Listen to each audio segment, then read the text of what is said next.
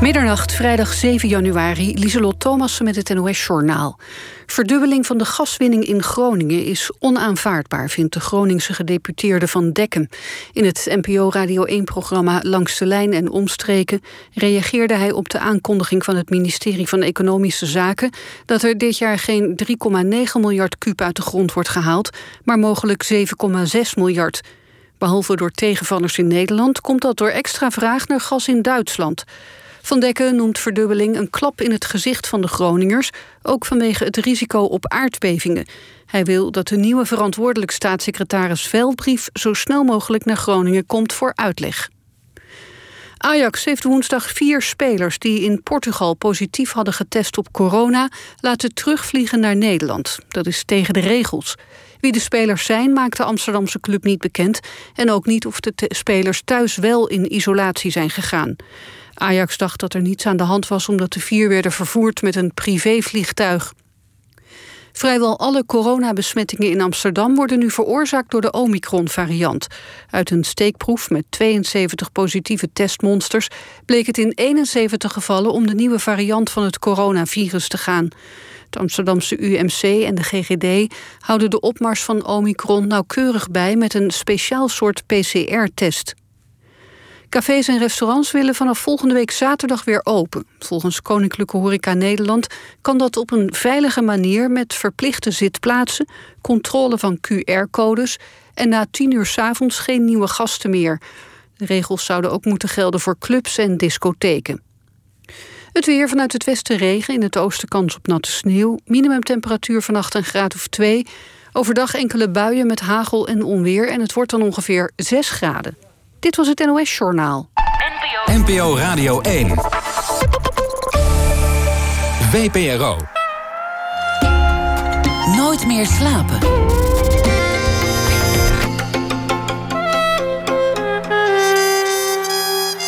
Met Pieter van der Wielen.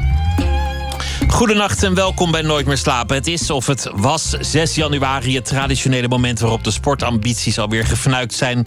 De meeste alweer begonnen met roken en het dieetboek alweer is weggelegd. Mijn gast komend schreef geen dieetboek. En dat is ook de titel. Dit is geen dieetboek. Wat is het dan wel? Het is het verslag van een onderzoek. Laat mij dan degene zijn die al die diëten uitprobeert. En dat heeft Teun van de Keuken systematisch gedaan. De schijf van vijf, de sapkuur, keto, vegan, sportdieet, het vasten. Het boek vertelt alle bevindingen van al die diëten één voor één.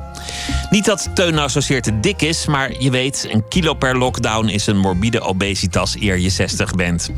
Teun van de Keuken is hier, programmamaker, journalist, columnist, geboren in 1971, werd bekend van de Keuringsdienst van Waarde, maar maakte veel meer tv-programma's, schrijft vast voor de Volkskrant en maakt samen met Gijs Groenteman een succesvolle podcast. Gijs en Teun vertellen alles. Verder schreef hij meerdere boeken, waaronder Goed Volk, een boek over zijn jeugd. Teun, welkom. Leuk dat je er bent. Ja, dank je. Vind ik ook. Ik, ik vind het een moedig experiment om, om alle diëten op een rij te leggen en uit te proberen. Ja, moedig. Ja, moedig weet ik niet of het is. Het is meer een soort ja, krankzinnig of, of obsessief. Dat, dat, soort, dat soort woorden zou ik eerder gebruiken. En dat, dat past ook wel in mij, bij mij. Dat ik dan denk van nou, ik, ik, ik ga het doen, ik ga het helemaal doen. Ik ga het doen, ik ga het helemaal doen. Uh, ja, je moet het zo voor je zien dat, dat nou, laten we zeggen, 20 jaar geleden, 15 jaar geleden was diëten echt nog wel een beetje het, domein van, van de vrouw. Maar inmiddels ja, is er voortdurend iemand, ook in mijn omgeving, ook mannen, eh, cameramannen, geluidsmannen, collega's, die zijn dan opeens ontbijten ze niet meer. Zit je, zit je, ben je aan het, aan het filmen, wil je gaan lunchen? Zeggen ze, ja, we moeten nog even vijf minuten wachten tot het 12 uur is. Want dan doen ze intermittent fasting. Of ze eten alleen maar sla omdat ze geen koolhydraten eten. En allemaal zeggen ze van ja, dit, dit dieet, het is echt geweldig en het werkt echt en het kost geen enkele moeite. Dat is wat er eigenlijk altijd wordt gezegd, dat het geen enkele moeite kost. En hou je zo vol. En ik dacht van ja, god, als er dan zoveel zijn. Eh, en ik heb, ik heb er dus zeven gedaan, waarvan ik dacht dat zijn eigenlijk een beetje. Daarmee heb ik de belangrijkste wel, wel gecoverd. Laat ik dan eens zelf echt onderzoeken. Hè, mijn, mijn lichaam uh, bij leven beschikbaar stellen aan de wetenschap. Wat het effect daar nou werkelijk van is. Zowel fysiek, hè, val ik er vanaf? Is het goed vol te houden? En ook, wat doet het met mijn psyche? Uh, in, in de, ik, de, de, Word je chagrijnig, depressief, uh, ja, dus, futloos? Dus, dus, dus, dus zowel, de woorden, uh, zowel het woord chagrijnig als het woord zelfhaat... kwamen in ieder geval in de, in de zeg maar, ongeredigeerde versie heel vaak voor. Want dat zijn bijwerkingen van menig dieet. Ja, ja. bij een van die diëten mag je s ochtends geen koffie. Nou, dat, dan heb je aan mij. Nou, je mag geen koffie. Uh, je mag volgens mij wel koffie, maar je mag geen melk in de koffie. Oh ja, dat, dat red ik nog wel, ja. denk ik. Ja. Dat, zo'n periode waarin je draait voor televisie, dat, dat, dat, dat heb ik ook wel eens meegemaakt. Dat, dat is echt een gevaarlijke periode voor je, voor je lijf. Juist in de tijd dat je veel op tv moet. Want zo'n cameraploeg die, die zegt eigenlijk om de anderhalf uur zullen we even stoppen voor saté. Ja, nou ja, of iets anders. Je, je, hebt wel zo dat je soms. Ik heb wel eens meegemaakt, zelfs dat ik, dat ik midden in interview. Uit, dat dan een beetje lang duurde. uit mijn ooghoek keek. en dat een geluidsman even over zijn buik uh, wreef. Van ik begin nu wel honger te krijgen. Interview is door. Er moet weer gegeten worden. ja, ja, ja, precies. Uh, maar eet sowieso koffie. Je zei net koffie. Koffie is sowieso het uh, levenselixer van, van, de van media. De, van de media. Dus, dus je kan nooit een uh, afspraak zo strak plannen dat er tussen het vertrek van huis en de aankomst bij het interview niet nog gestopt kan worden bij, bij de benzinepomp voor koffie. Dat is echt, dan lig je er eigenlijk uit. Bij mij ook overigens, dus dat, dat, is, dat is heel belangrijk. Maar dat is ook meteen een gevaarlijk moment, want die koffie die komt dan vaak niet, dan, dan sta je dus bij die koffie en dan zegt de medewerker van de benzinepomp, wilt u er misschien een koek bij? En dat moet hij zeggen, want, want er kan dus ook een controleur komen van welke keten het ook is. En die zal dan later opschrijven. Ja, maar hij heeft helemaal niet gevraagd of er wel een gevulde koek bij de koffie ja, moest. En, en omgekeerd zijn, heb ik wel eens gehoord dat er bij bepaalde ketens, op stations geloof ik, uh, bonussen worden gegeven als er door de medewerkers veel koeken worden verkocht. Dus, dus, dus dit is nog net geen complot, maar het komt aardig in de buurt ja. om ons allemaal dik te krijgen. Ja, dus, dus ik wil niet per se zeggen dat er een complot is om ons dik te krijgen. Maar het is wel zo dat de samenleving uh, er heel erg op is ingericht om ons dik te krijgen. En uh, kijk, dit is natuurlijk in, in, in onze uh, neoliberale wereld waarin we nu leven, is natuurlijk het dieet is, is iets perfects. Want dat zeggen we namelijk, je hebt aan de ene kant heb je dus de samenleving die probeert ons dik te krijgen door middel van heel veel marketing, door dat er op elke straathoek uh, snacks worden aangeboden. Dat is zeg maar de, dat is de samenleving.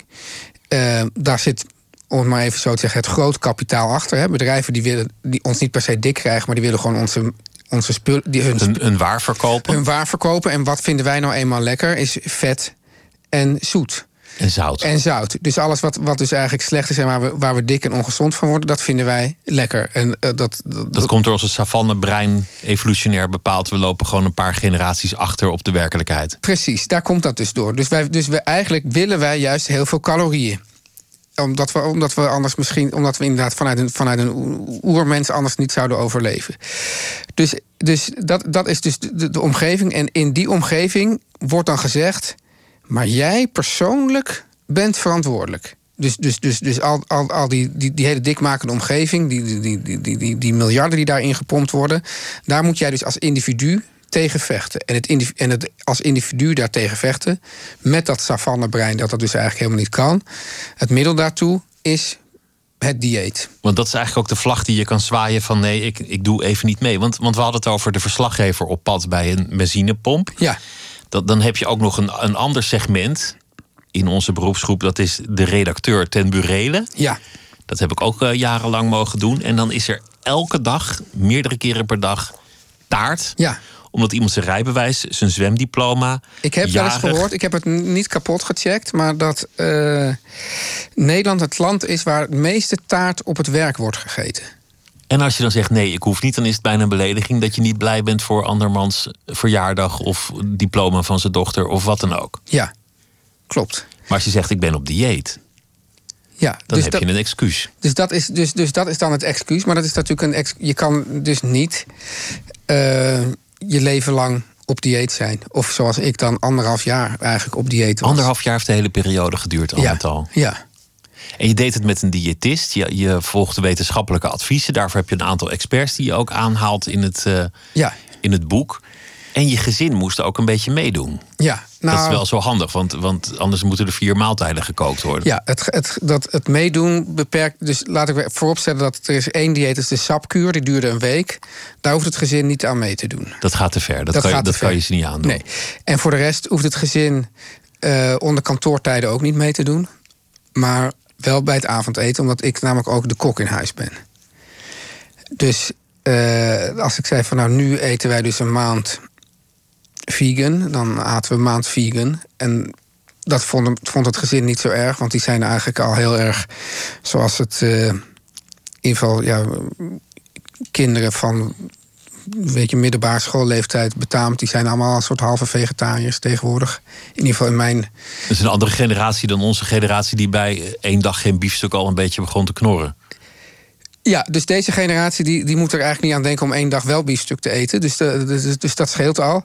Dus, het was, dus die vonden het nog wel interessant om vegan. Maar bijvoorbeeld dan heb je het keto-dieet.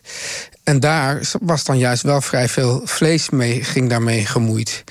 Dus dat moest ik dan wel weer een soort tweaken. Dat ik dan misschien wel iets maakte waar ik dan veel vlees at, maar waar ik dan voor hun dan iets, iets anders voor één ding kon, kon vervangen. Maar in ieder geval, uh, ja, dat, dat, het, voor het gezin nou, ten eerste, omdat ik net al uh, vertelde aan jou over de, de, de, de, zelfhaat en de, de, de chagrijn. Daar, dat moest het gezin natuurlijk ook uh, mee omgaan. En de andere kwestie is. nou, bij zo'n dieet. Ja, het gaat hem wel een beetje van de hak op de tak. Maar, tak, maar zolang jij niet ingrijpt, geloof ik dat het wel goed is. Maar de... Ja, nee, ik luister met interesse. Ja, dus ga, ga lekker door. Ja, nee, kijk, er was bijvoorbeeld wel een keer. Toen kookte mijn vrouw. En uh, toen uh, rukte ik, ik weet niet meer of het een paprika of een wortel was, maar die rukte ik uit haar hand. Ik zei, die moet ik nog even wegen. Want het ging erom dat volgens mij dat ook, ook in groente zitten koolhydraten. En ik mocht zoveel koolhydraten per dag eten. Dus een wortel of een paprika moet gewogen worden alvorens die aan de maaltijd wordt toegevoegd? Ja, want ik dacht, want uh, ja, bij dat, dat, dat keto-dieet, dat is dus een heel, heel uh, raar dieet. Maar het is in ieder geval zo dat je mag maar zoveel gram koolhydraten per dag. En als je er meer. En, en dan als, als je dat een, een week volhoudt, dan kom je in een, een staat die heet de ketose. En dan ga je heel erg afvallen. En hoe dat wetenschappelijk werkt, vraag me alsjeblieft niet om dat uit te leggen. Dat, dat heeft uh, de wetenschapper, uh, uh, medicus Hanno Peil, allemaal, allemaal uitgelegd. Dat staat allemaal in het boek. Ik kan het niet herhalen, het is heel ingewikkeld. Maar in ieder geval, bij dit dieet kom je in een bepaalde staat en dan ga je afvallen. Maar als je ook maar één dag toch te veel koolhydraten eet, dan raak je weer uit die staat. Dus bij alle andere diëten kan je best een keer een dag het verkeerd doen en dan uh, denk je van, nou ja, god, is stom van me, maar ik begin gewoon weer. Maar dat kan bij de, bij de keto, ben je dan zo een week kwijt. Je, je moet het volhouden. Je moet in die hyperverbrandingstaat, noem ik het maar, ja, precies. zitten. En, en als je eruit bent, dan ben je eruit. En dan moet je er weer helemaal opnieuw in. En dat kost weer dus, heel dus veel ik was heel bang dat er, dat er, dat er via, via die paprika, of weet wat dan ook... Uh, dat er misschien net twee gram te veel koolhydraten in het eten terecht zouden komen. En ik dus uit deze hyperverbrandingstaat uh, zou verdwijnen. Het, al die diëten zijn een beetje obsessief. En allemaal ja. zijn ze op één aspect van, van voeding gebaseerd. Ja. ja. Het, het, heeft, het heeft iets schijnbaar autistisch. Dat, ja. dat je maar één aspect eruit ligt en dat dat heel belangrijk maakt. Dat is eigenlijk. Het, het, het, uh, diëten zijn, zijn in principe heel simpel. Uh, nou, het eerste idee is natuurlijk meer verbranden uh, dan je inneemt. Dat, dat, is, dat is dus als je gewoon minder calorieën gaat eten, dan ga je op een gegeven moment afvallen. En, dat is de boekhouding? Dat is de boekhouding. Ja, het is allemaal sowieso. De boekhouding, het is, het is leuk dat je zegt, want, de boek, want dat is eigenlijk principe 2, is namelijk dat omdat je alles opschrijft en alles boekhoudt, ga je ook afvallen. Want als je dus, uh, als ik het heb over die, die koek bij de, bij de kiosk als je die op moet schrijven, dan denk je, ja, jeetje. Uh, en dan gaat het ook nog, dan gaat die, die boekhouding gaat ook nog naar de diëtiste, naar Esther van Etten heet die van mij. En die ziet dan ook van, ja, Teun, je bent op dieet, je hebt nu een koek gegeten. Wat is dat nou? Dus dan, dan, dan, dan, dan word je daar opeens mee geconfronteerd. En dus ga je al die dingen die je anders eigenlijk een beetje achterloos opeet, die ga je dan niet meer eten. Dus die, die boekhouding op zichzelf zorgt ook al voor afvallen. En dan is het zo dus dat eigenlijk... je hebt dus gewoon de drie uh, macrovoedingsgroepen... koolhydraten, uh, vetten. Nou, help me eventjes. Koolhydraten, eiwitten. Eiwitten en vetten, precies. Koolhydraten, eiwitten en vetten. En eigenlijk bijna al die diëten zeggen: weet je wat, we trekken er gewoon eentje uit. En als je dat doet, dus dan, dan, dan, zeggen ze dus van, nou, je, je, eet geen koolhydraten meer, dan mag je dus eindeloos biefstukken eten. dat, is, dat is het idee van keto, maar dat was ook het idee van, van uh, Montignac en volgens mij Sonja Bakker ook. En, en, dan, en dan, wordt, dan worden altijd hele leuke uh, vrolijke filmpjes gemaakt waar mensen allemaal biefstukken zitten te eten met sla. En dan zeggen ze: ja, je hoeft alleen de, hoeft alleen de aardappelen niet en uh, alleen het brood niet. Maar verder mag je alles eten. En dan bij andere diëten zeggen ze dus weer van: nou ja, je moet uh, mager eten, maar verder mag je alles eten. En bij, bij alles zeggen ze dus: we halen er iets uit, maar verder mag je alles. En nou blijkt dus dat, dat dat je dat dus best een maand kan volhouden. Maar dat je dus in die maand, want dat is toch gewoon een derde van, de, van, van, die, van, die, van die macro's, die eet je dan dus niet meer. En dan wordt het gewoon, het eten wordt gewoon minder leuk. En je wilt toch eigenlijk toch wel een aardappeltje bij je, bij je biefstuk. Of je wil eigenlijk toch heel graag, in mijn geval, s ochtends uh, een bammetje. Een bammetje of, of in het weekend uh, een croissantje eten. Dus, dus dan blijkt dus dat, je juist, dat juist die wisselwerking van die drie voedingsgroepen, dat die samen zorgen voor een gelukzalige maaltijd. En als je er dus één uithaalt, dan wordt het eten gewoon minder leuk. En dan uh, ga je gewoon minder eten. Eigenlijk is dat het gewoon. Je maakt het minder leuk, waardoor je minder eet. En je gaat er heel erg op letten. Ja. De, de conclusie zou kunnen zijn dat alle diëten wel zo'n beetje werken. Maar dan reken ik me buiten één. Wat eigenlijk nog de meeste zweem van officiële, officialiteit heeft. Wat is het woord eigenlijk? Namelijk het voedingscentrum. En de schijf van vijf. Ja. En dat is meteen de eerste die je doet. En dat vond ik ontzettend grappig, omdat je daar zoveel mag eten. dat je op een gegeven moment denkt: Goh, ja, ja. Ik, kan, ik kan gewoon niet meer. Ja, nee, dus, dus, dus het, het, het grappige is eigenlijk. Dus, uh, eigenlijk voordat ik met die diëten begon, dacht ik van: nou ja, maar laten we nou. Want, want iedereen of niet iedereen, maar heel veel mensen zeggen: ja, maar je weet, we weten toch allemaal wat je moet eten? Gewoon schrijf van vijf. Ik ja, oké, maar wat, dat, daar heb je meer een soort beeld bij wat dat is, toch? Van nou, de schijf van vijf, gewoon uh, volkoren en een beetje zuivel, een beetje vis, weinig vlees. Uh, peulvruchten. Zo'n soort beeld heb ik er dan bij. En, uh, maar als je dan naar de site gaat van hoe je het dan precies moet doen, dan blijkt ten eerste ontzettend ingewikkeld. Want je moet echt, voor geen één dieet moest ik meer afwegen dan hier. Van zoveel gram van dit, zoveel gram van dat. En vervolgens ga ik dat dus dan allemaal invullen in dan de app van het voedingscentrum. En dan krijg ik dus een soort uh, uh, bericht aan het eind van de dag. Ja, u heeft toch te weinig uh, kaas gegeten vandaag. Moet nog meer kaas. ja, terwijl ik dan denk van ik heb gewoon echt genoeg gegeten. En waar komt het nou door? onder andere door het idee dat, dat nog steeds heerst dat een man 2500 calorieën per dag moet eten en een vrouw 2000. Dat is een beetje wat er wordt voorgeschreven, wat normaal is. Even los van dat ieder mens anders is enzovoort.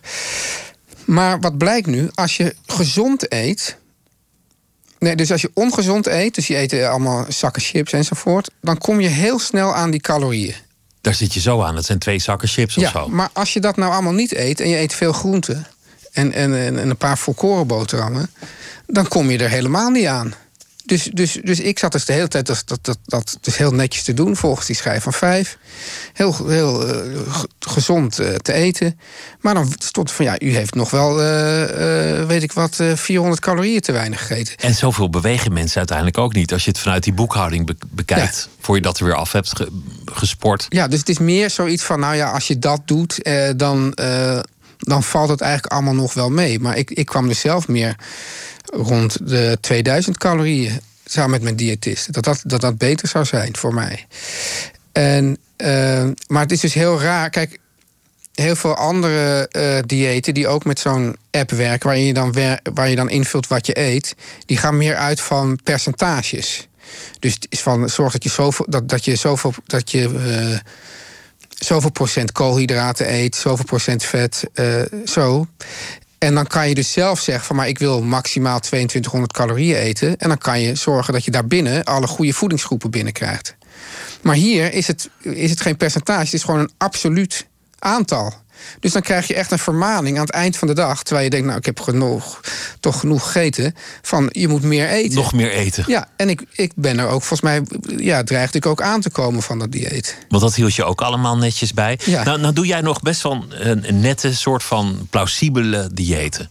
Ja. Want, want er zijn ook nog Nou, iets alles met onzinniger. pillen en zo heb ik buiten beschouwing Nee, want je, want je, hebt, je hebt de hardnekkige mythe van de negatieve calorie. Dat is een bepaald goedje dat je dan oneindig veel kan eten en waardoor je afvalt. Die, wat, is die celery eh ja, dat, dat wordt, wordt elke keer toegekend aan een ander besje of een ander pulvruchtje. Oh ja. En dan moet je daar hele bakken van leeg eten als het je al lukt. En dan zou je daarvan afvallen. Maar, Maar dat, ook, ook dat... dat zijn fabels. Nee, maar ook dat zou natuurlijk werken. Als jij de hele dag alleen maar bakken celery eet... dan op een gegeven moment heb je natuurlijk totaal genoeg van. En dan val je ook af. Omdat dus, zeg maar, het... Zeg maar, saaiheid van eten is natuurlijk een ontzettend goed wapen... of een ontzettend goed middel om af te vallen. Dus Het gewoon niet zo leuk maken, niet zo lekker maken. ja, er, er was ook... ehm, eh, hoe heet die nou, die voedingswetenschapper? Die, die ken je ook wel, die, die eh, van het broodje, krok, het broodje kroket. Nou, in ieder geval, in ieder geval een, een, een voedingswetenschapper die had ook een, een dieet bedacht. Die zei: Je neemt alles wat je lekker vindt. Gooi het in de blender en eet het op. Ja, dan zegt hij: Na vier hap kan je niet meer. Dat, is, dat is echt ontzettend geestig. Ja, ja. Dus ja, dat werkt ook. Nou, nou is met dat die- dieet, dit is niet, jouw doel was niet van ik ga kijken welk dieet het beste werkt. Jouw doel is eigenlijk van, van laat ik eens kijken wat nou erachter zit. Of wat, wat eigenlijk de diepere conclusie kan zijn van al dat gedieet. Ja, En, en waar het heel vaak in jouw werk over gaat, is dat je probeert door te prikken waar ons knollen voor citroenen of citroenen voor knollen worden verkocht. ja. En in, in de dieetwereld is dat bij uitstek aan de hand. Ja, maar het is niet alleen dat, denk ik. Want ik, de- ik wilde ook.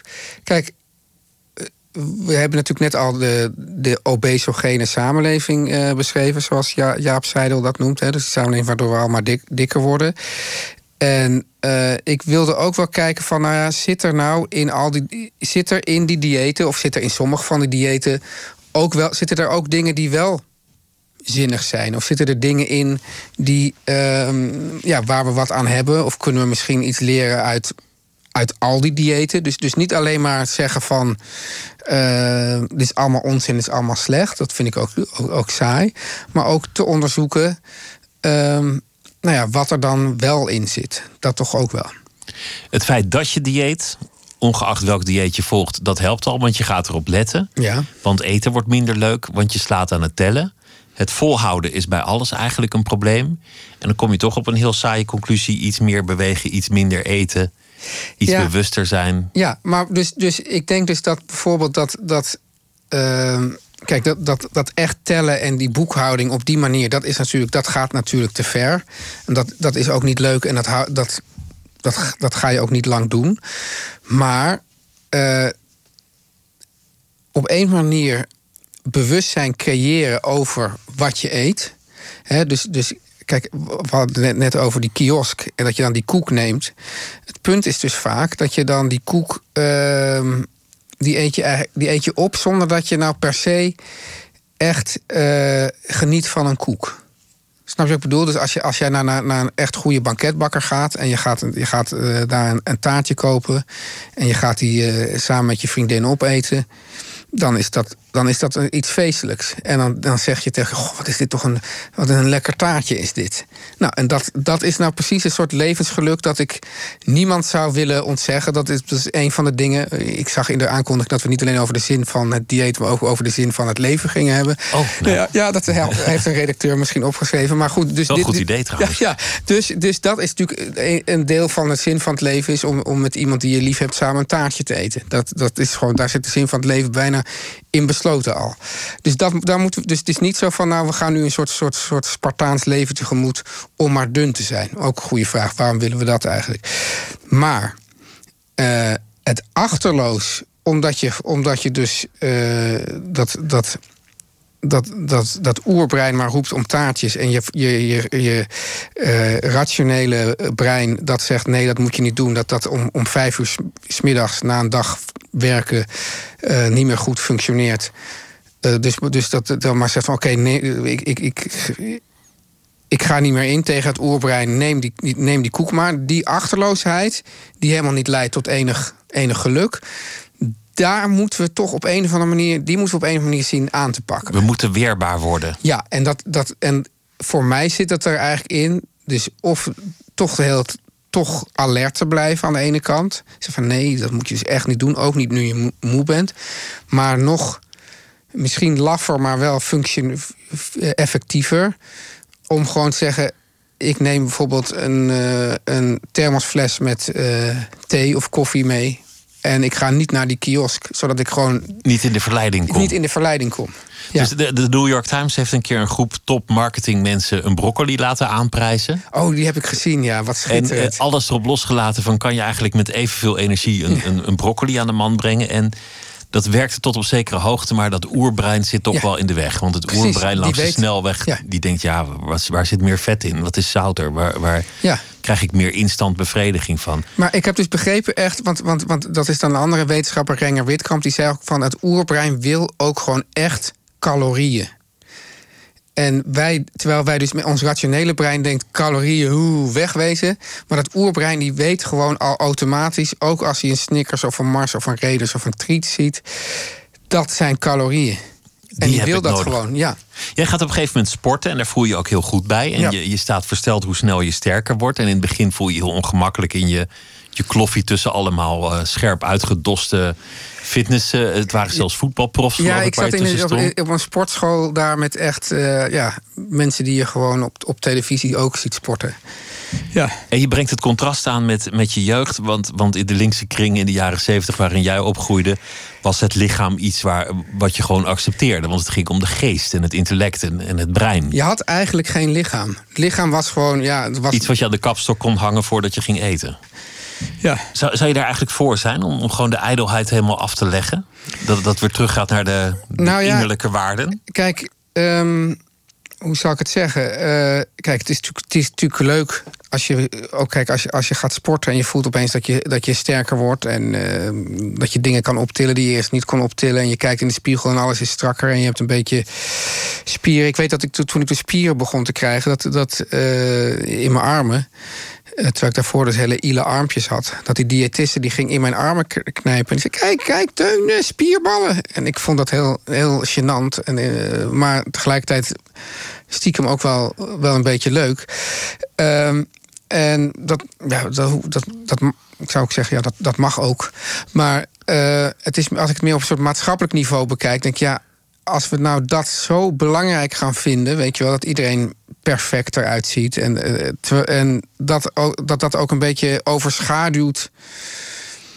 Kijk, als, als iemand nou heel knap is en je staat met iemand te praten die heel knap is, dan is, dat, uh, dan is dat even heel leuk. Maar op een gegeven moment ben ik toch meer geïnteresseerd. Of iemand ook iets te vertellen heeft. Of iemand ook iets te vertellen heeft. En, en als, als, als uh, waar ik niet zeg dat het per zo is, maar als je het idee hebt dat, dat het in de maatschappij meer belangrijk wordt hoe mensen er allemaal eruit zien. En dat ze dan heel, heel trots zijn op hoe, hoeveel ze trainen, waardoor ze zo'n strak lijf hebben.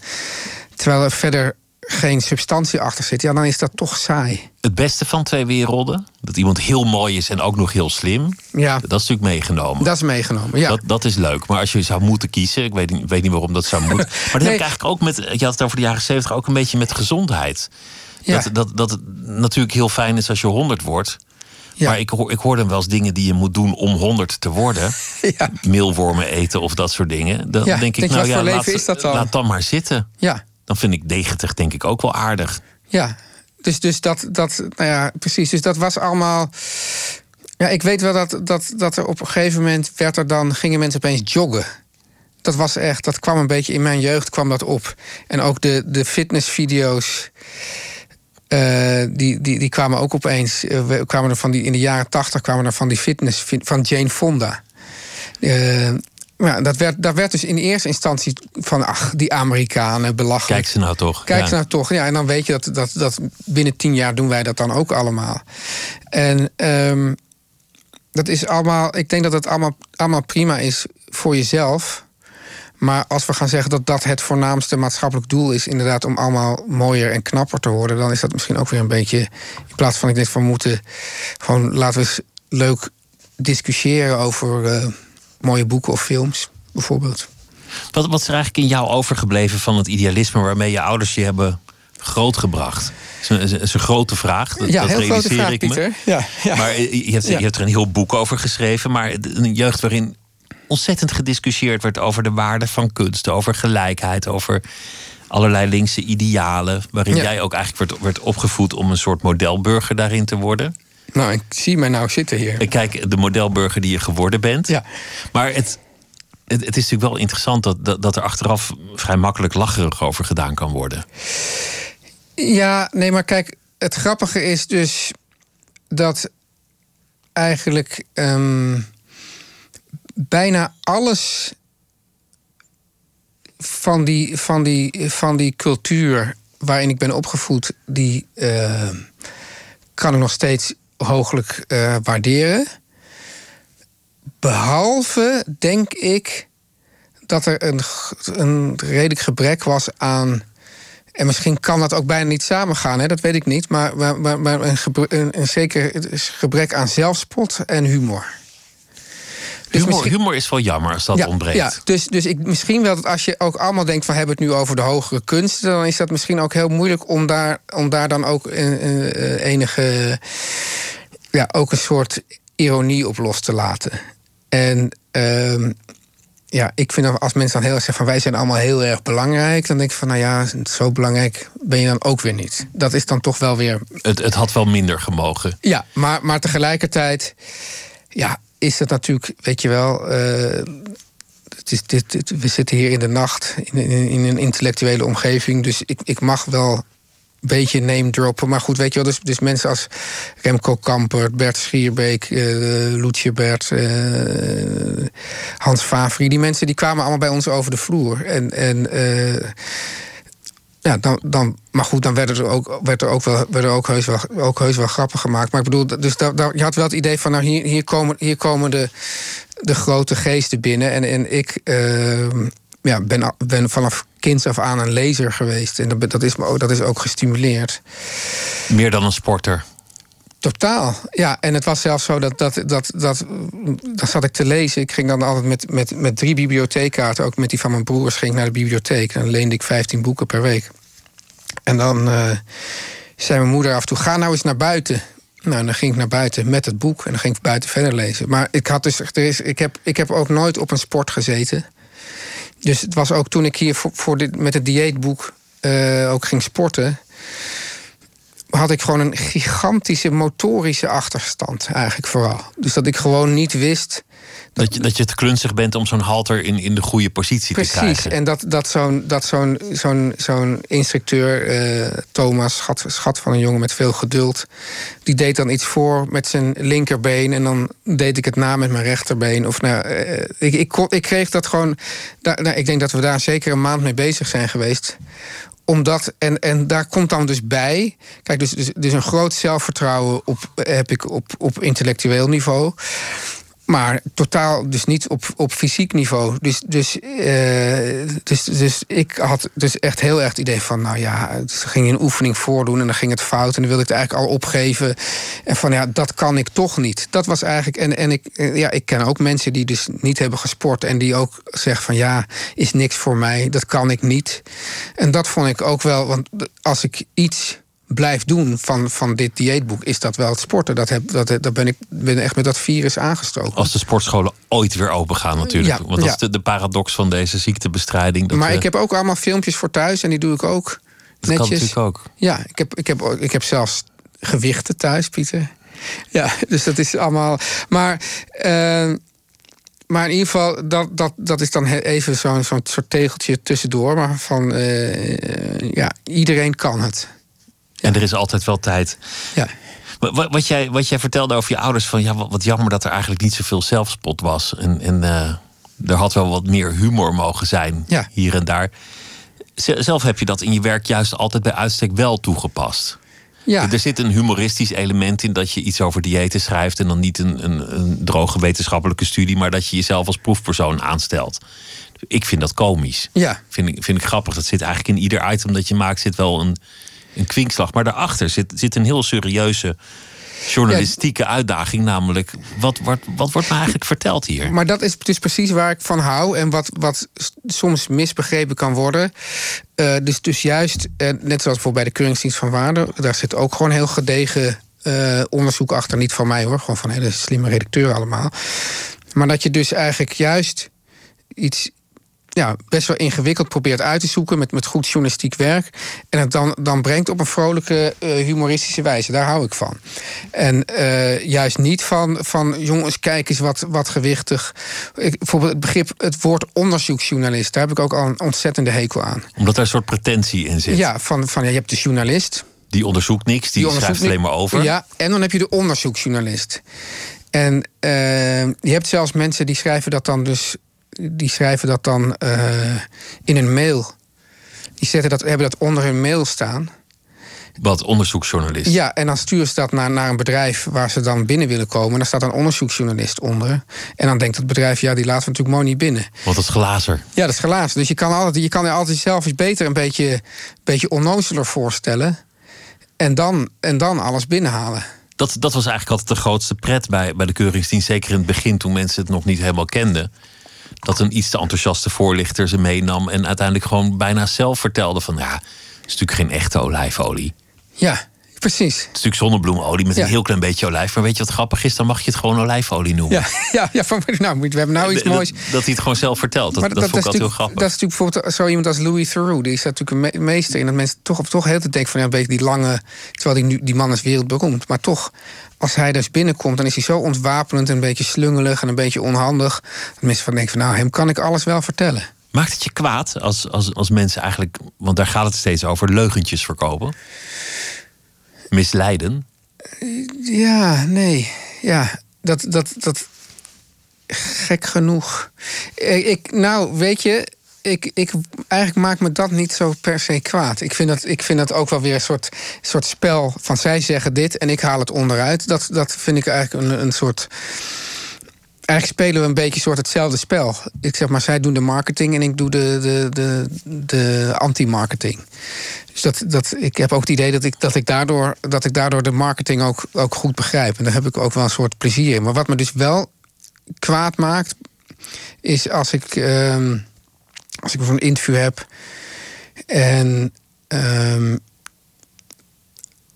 eigenlijk, ik word dus eigenlijk nooit. Ik, gek is, ik word zelden echt kwaad om de zaak zelf. Want dat is natuurlijk raar. Want, want ik, ik, ik ben wel altijd met deze zaken bezig. Dus het, het, fascineert me wel. Maar als mensen dan in een interview bijvoorbeeld heel erg omheen gaan draaien. Als ze, als ze een soort met mail in de mond onzin verkondigen. Dan word ik kwaad. Maar dan dus meer om hoe die mensen praten. Dan uh, het feit dat ze doen wat ze doen, dan de praktijk zelf. Ja. En, dan, en, en, dan, en, en, en als er dan nog een voorlichter bij komt, dan word ik helemaal kwaad. Ik heb het idee dat, dat mensen slechter zijn gaan liegen. Of, of dat ze zich geruster zijn gaan voelen. Maar, maar dat, dat, ja, politici... dat ze gewoon minder hun best doen om te liegen. Ja, om het goed te doen. Politici hebben altijd gelogen. Dat is van alle tijden. Dat, ja. dat, is, dat is echt niet iets van de, van de laatste vijf jaar of zo. Maar, maar tegenwoordig staan mensen te liegen. En eigenlijk dat iedereen weet dat je staat te liegen. Het maakt niet meer uit. En het maakt gewoon niet meer uit. Dus je zegt, ik heb dat niet gezegd, terwijl je het zei oh, op een persconferentie voor 7,5 miljoen mensen. En iedereen het heeft gezien. En dat iedereen toch denkt, ja, nou ja, jij liegt en we weten het wel. En er lijkt een soort lamlendigheid in het, in het liegen te zijn geslopen. Ja, en... Die ik onrustbarender vind dan het liegen zelf. En want? Nou, nou omdat ze zich totaal onbedreigd voelen kennelijk in hun leugen... en dat niemand het ook nog langer erg vindt. Dus, eh, maar dan is de, de, het, het erge is eigenlijk meer de reactie erop. Van journalisten of van de maatschappij. de totale desinteresse. Een leugentje kost je ook echt geen zeteltje meer. Dan kan je maar beter ook gewoon. Eh, kan je, ja, is dat niet iets wat sinds Trump een beetje. Ik bedoel, daar was dat ja, natuurlijk... die, heeft het helemaal tot grote hoogte. Ja, ik zag, ook, ik zag nu ook een. Um, interviewfragment voorbij komen.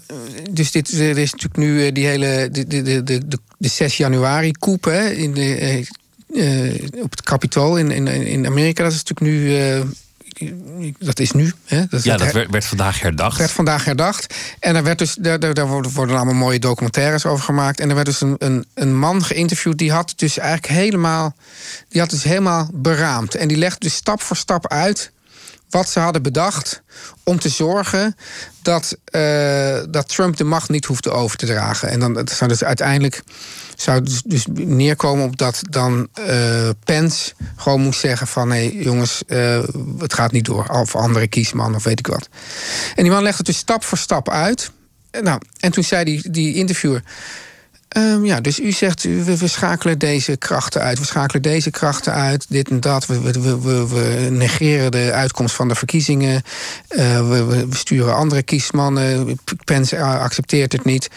Beschrijft u nu niet gewoon de stappen van een koe? Ja, dat is een staatsgreep eigenlijk. Een staatsgreep. En toen zei die man, nee. Ja, dat was verbijsterend. Dat is de volmaakte onredelijkheid. Ja. Dat, dat, je dan de conclusie niet accepteert terwijl die evident op tafel ligt. Ja, en het erge is nog dat deze, dit is dus wel. Dit, want als jij zegt slechter liegen. Of misschien nog wel beter liegen of zo. Of slimmer. Dus, dus, dus, dus Totaal schaamteloos zijn. Dus je kan dus nu alle feiten op tafel leggen. En dan kan je nog zeggen van. en, dan, en dan laat je een, een, een zwart scherm zien. En dan zegt iemand, ja, we hebben nu alle feiten op tafel. Dit is een zwart scherm. Dan zegt iemand, nee, dit is wit. En dan gaan, en dan gaan, uh, gaan allemaal mensen, aanhangers van deze figuur, die gaan de straat op zeggen: Het is wit, het is wit. Nou, en dan vervolgens uh, lopen miljoenen mensen daar achteraan. Ik weet ook niet meer hoe je dit. Of dit nog met goede journalistiek te keren valt. Of, nee, of het want, want, want als je, als je eenmaal alle feiten op tafel legt. en die zijn zo evident. en nog zeggen mensen: ja, maar het is toch, het is toch niet waar. Ook al accepteer ik al die losse feiten. Ja, waar zijn we dan nog? Dus dan maak je eigenlijk als journalist gewoon iets voor de bubbel die nog in journalistiek gelooft. Waar, waarmee het toch relatief zinloos is geworden. Ja, maar dat kunnen we, ja, maar dat kunnen we toch ook niet accepteren, Pieter, of wel? Ja, bedoel, ja, ik denk, ja, kijk, dat is. Het erbij dat laten is de zitten is geen optie, bedoel je? Dat is geen optie. En dat is ook de vraag. Want kijk, als, als we het nu hebben over, over bijvoorbeeld vaccineren en zo, dan is juist de bubbel die, die daar dan tegen is. Of die, die bubbel is eigenlijk heel klein. Maar die bubbel, die horen we dus de hele tijd. Dus je kan ook zeggen, nee, wij, wij zijn dus niet de bubbel die nog in, in, in feiten gelooft. Want daar gaat het eigenlijk nog meer over dan in journalistiek, die in feiten gelooft. Dus wij moeten, daar, wij moeten die veel harder nog van de daken schreeuwen. Want anders zeggen wij zeggen van ja, dus die kleine groep die heel erg schreeuwt, die, uh, die geven wij nu eigenlijk de macht. Dat is toch niet terecht? Dan laten we ons terroriseren door de minderheid in, in die zin. Ja, door een onredelijke minderheid. Je moet altijd rekening houden met de minderheid. Maar als, als, als mensen zo onredelijk zijn, moet je dan in ieder geval tegenin. Maar als er dan een keer een professor van enig gezag van een universiteit een bezwaar maakt tegen het vaccineren.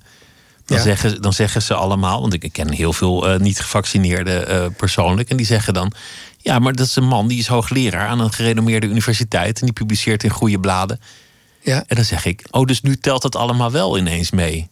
Ja. Met welk gezag iemand spreekt. Als het, als het jouw argument is, ja. dan, dan vind je ineens zo'n titel wel belangrijk en, en de bron waar het vandaan komt. Ja, maar dan zegt ze tegen jou: ja, maar nu jij vindt het altijd belangrijk en nu vind je het niet belangrijk. Nou ja, ik weet dat soms een, een hoogleraar zelfs de meest gerenommeerde ook uit zijn nek kan lullen. Ja, en dat, dat, is, dat is deel van de wetenschap. Ja, precies. En, en, en ook dat dingen kunnen uh, veranderen. veranderen. En ja. dat hij misschien ook wel een beetje gelijk heeft en een beetje niet. Ik kan ja. dat soort nuances nog wel aanbrengen. Ja. Wat was eigenlijk niet het idealisme van, van de generatie van jouw ouders? Ook ingegeven door het geloof dat het mogelijk was om dingen te verbeteren. Dus, dus al dat praten over, over de, de verheffing van de onderklasse en de derde wereld. Er Ja. zit ook een vertrouwen in natuurlijk. Het is ook het optimisme dat het eventueel kan lukken. Ja. Ja, en. en ehm, Ja, kijk, het grappige is dat ik. eh, dat, dat is natuurlijk heel mooi en ook goed. En dat heb je ook nodig om aan een betere wereld eh, te werken. Bij mij is het eigenlijk precies omgekeerd. Dus ik ben eigenlijk een ehm raspessimist. Maar met een enorme eh, drive om dat dus niet te accepteren. Je vecht tegen je eigen pessimisme. Ja, je, dus hoopt, ik- je hoopt dat je geen gelijk Ja, hebt. dus ik hoop dat ik geen gelijk heb. En ik doe er ook alles aan om geen gelijk te krijgen. door stukken te schrijven van mensen, let hierop. Of, of om, om, om, om, om uh, zo'n programma-serie te maken als De Vuilnisman. Of, of, of, of, of iets over de klerenwereld. Of, of programma's, sowieso boeken te schrijven. Dus ik wil eigenlijk de hele tijd mensen op allerlei dingen wijzen van dit moeten we aanpakken. Maar, maar diep in mezelf ben ik, eh, ben ik er helemaal niet gerust op dat het allemaal goed komt.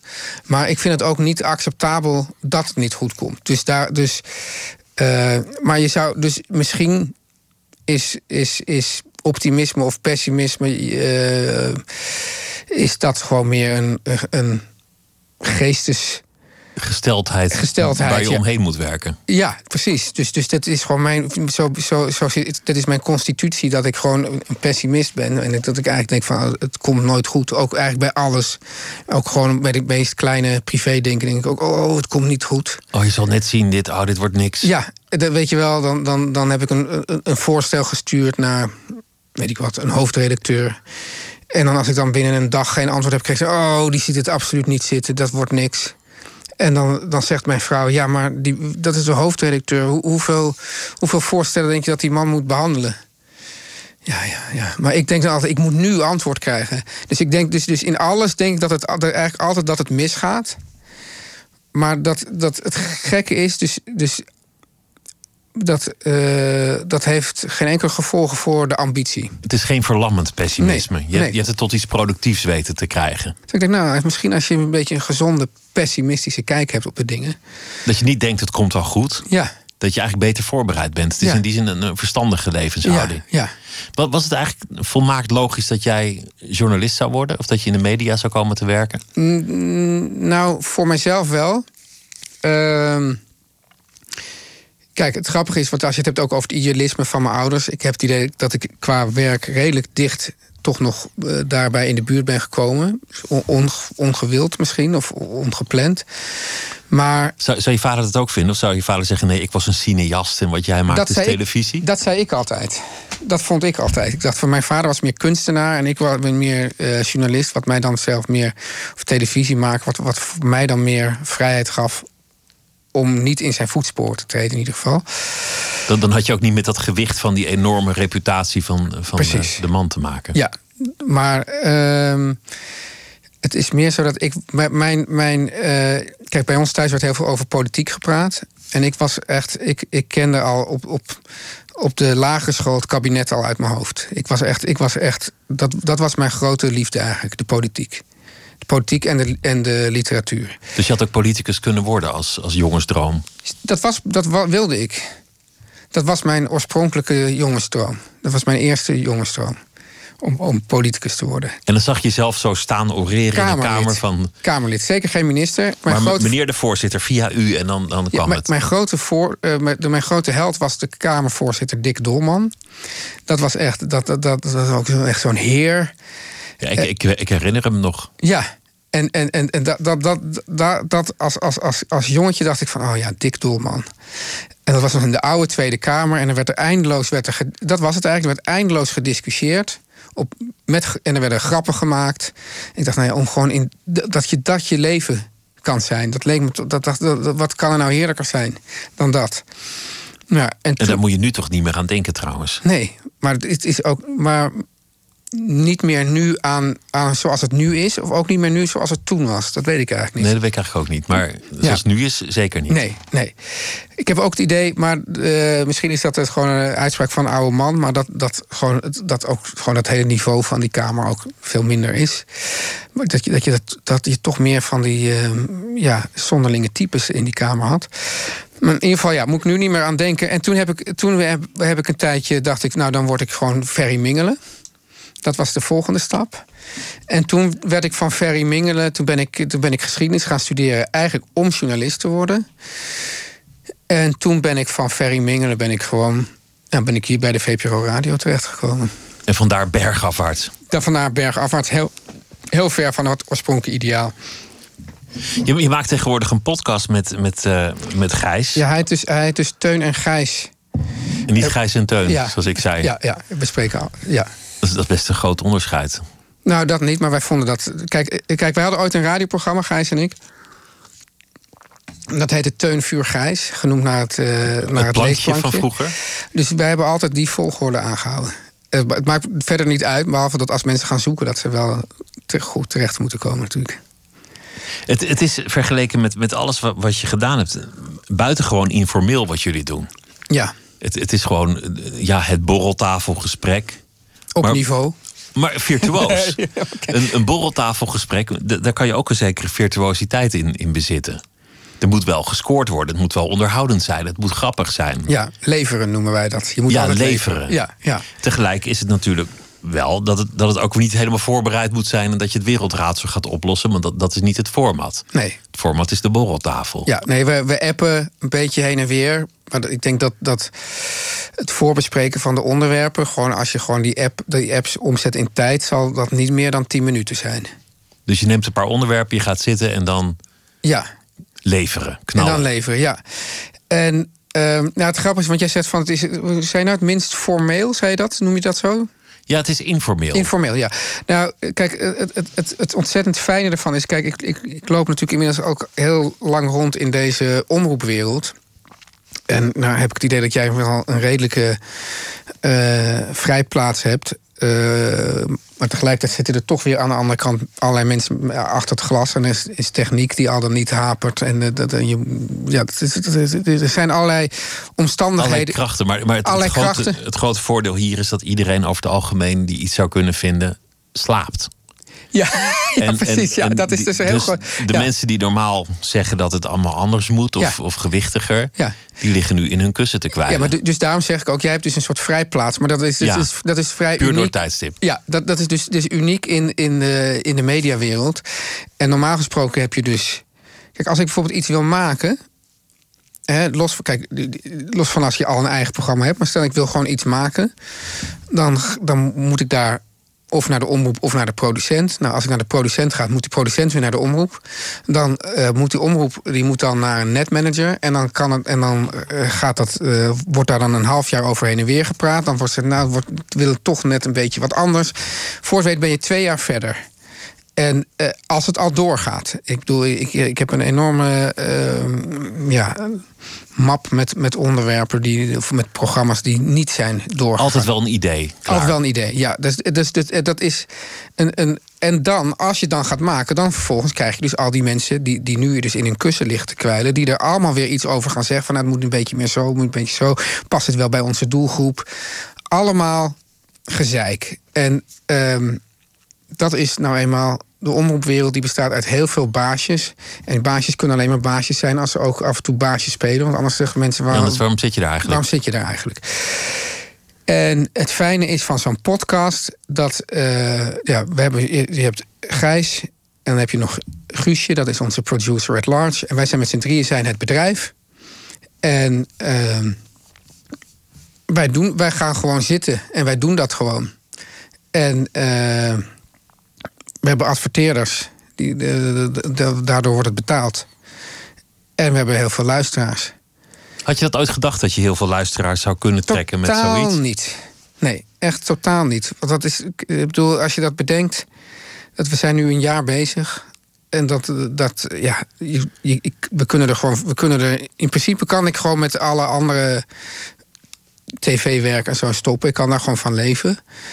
En het, zijn gewoon, en, en, het leukste is nog eigenlijk, maar dat, dat zal jij dan ook in jouw vrijplaats wel hebben, want dat, dat hoort ook een beetje bij de, bij de nachtradio. Dat we echt zoveel uh, persoonlijke, leuke reacties krijgen. Of dat ik op straat loop en mensen steken hun hand op. Of die, die, die, die zeggen: Ik ben net aan het luisteren. Of, uh, en dat ik op al mijn werk dat ik ooit heb gedaan. Nog nooit, weet je wel, dan denk je toch van, nou, ik ben van de tv, weet je wel, uh, hele bink. Maar dat ik nog nooit zoveel reacties heb gehad op mijn werk als op die podcast. En jullie spotten met de sponsor, dat vind ik, vind ik nog het allergrappigst. Ja, spotten. Wij, hebben, wij hebben een eigen manier om die, Om die toch te noemen. Er zit een ongemak in. Want, want je bent natuurlijk toch een beetje met commercie bezig, maar je, je wil het niet en dan doe je het via een kwinkslag. Ja, maar het is ook eigenlijk wat we eigenlijk doen, is dat we gewoon die sponsor, die behandelen we alsof het ook gewoon, eh, weet je wel, je hebt onderwerp. Alsof die ook aan tafel zou zitten. Nou nee, niet alsof het aan tafel maar je is met onderwerp 2 huiselijk leed. We hebben het vaak over klein huiselijk leed. Ik ben aan het koken en mijn vrouw wil een la opentrekken. En dan denk ik van ja, nee, ga weg uit de keuken. Ik ben nu aan het koken, zoiets. En, uh, dus, dus het klein huiselijk leed. En dan is het volgende onderwerp is de sponsor. Dus dat is eigenlijk ook gewoon een. On wij praten daar gewoon net zo over als over een ander onderwerp. Met dezelfde humor. Nou, nou had iemand, wat zei je, die had gezegd op social media namens de VPRO dat wij het over de zin van het leven gingen hebben, toch? Ja, nou, ik weet niet namens wie, namens dit programma. Ja, de zin van diëten en de zin van het leven. Wat is de zin van het leven? Jezus. Ja, daar gaan we. Daar gaan we. Hoeveel, hoe lang hebben we nog? Ja, kijk, als, als, als raspessimist is die er natuurlijk, uh, kan ik je al zeggen dat die er natuurlijk. Uiteindelijk niet zal zijn. Niet zal zijn. En uh, ja, ik vind het ook echt een hele moeilijke. Ik, ik kan moeilijk zeggen dat ik dat geen moeilijke vraag vind, natuurlijk. Maar. Um, en als ik ga, ik kan dan een soort CDA-truc uh, doen. Of zeggen van nou, je kan ook vragen: wat is geluk? Maar dat ga ik toch doen. Dat je de vraag afketst eigenlijk. Afketst en dan gewoon... Want dat, is dus, dat, dat was dus in, in, in de tijd dat ik dus van... Ruud Lubbers was ook gek genoeg een grote held van mij. Niet van mijn ouders, maar wel van mij. Maar dus, dus, u vraagt dit, maar u zou ook kunnen vragen en dan, en dan geef je daar dus antwoord op. Maar toch denk ik dat ik, dat ik dat toch een fijnere vraag vind. Want kijk, ik denk er is geen zin van het leven. Ik ben bijvoorbeeld ook het hele idee van of je werk blijft bestaan na het leven interesseert me niet. Als je, als je dood bent, ben je dood. Dus het, maar het draait dan om dat je, dat je dus af en toe in die hele pool van zinloosheid even het gevoel kan hebben van... oh, dit, dit is zinnig of dit is gewoon mooi, dit is schoonheid. Hier. Een moment. Het moment. En, en, en, en het verzamelen van, het, van die momentjes... die maken dan het leven misschien zinvol niet echt, niet echt zinvol. Maar dan heb je af en toe heb je even een soort. dat even alles, eh, alles samenvalt en het, en, het, en het licht schijnt mooi. En dat je dan. Dat je dan ja, ik, wil dat, ik vind dat zin vind ik eigenlijk een moeilijk woord. Maar, maar dus één, glinstering van schoonheid of volmaaktheid. Ja, kijk, dat, even alles. Ik, ik, bijvoorbeeld, weet je, ik ga voor de keuringsdienst naar, naar uh, Italië. En we, we maken een, een, een enorm lange uh, draaidag. En we, ik heb, heb, heb, goede vragen gesteld. En, en de, de, cameraman heeft mooi gedraaid. Het geluid staat er goed op.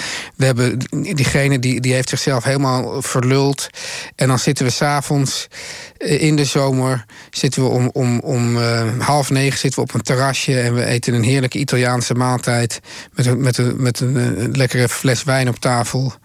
En het, en het licht valt nog net mooi over de tafel. En dan denk je, ja, dit, dit leven is het waard. Dus er is gewerkt, je hebt voldoening, er is goede wijn, leuk gezelschap. Ja. Eten en dan even denk je, ja, hier gaat het om. Ja. En, en er is toch niemand die zegt, dat was die keer dat ik een keto-dieet aan het volgen was. En dat mijn shake zo lekker was. Dat, dat, dat toch ook weer. Nee, maar het grappige is, als ik die, als ik die diëten volg, dan, dan komt er dus een soort rare sportman in mij naar boven. En dan, uh, en dan ben ik toch ook weer, uh, als ik dan denk van yes, uh, ik heb het weer gehaald, dan is dat weer een soort sportprestatie waar ik dan ook toch weer, weer eventjes gelukkig van kan worden. Even een moment van voldoening. Ja.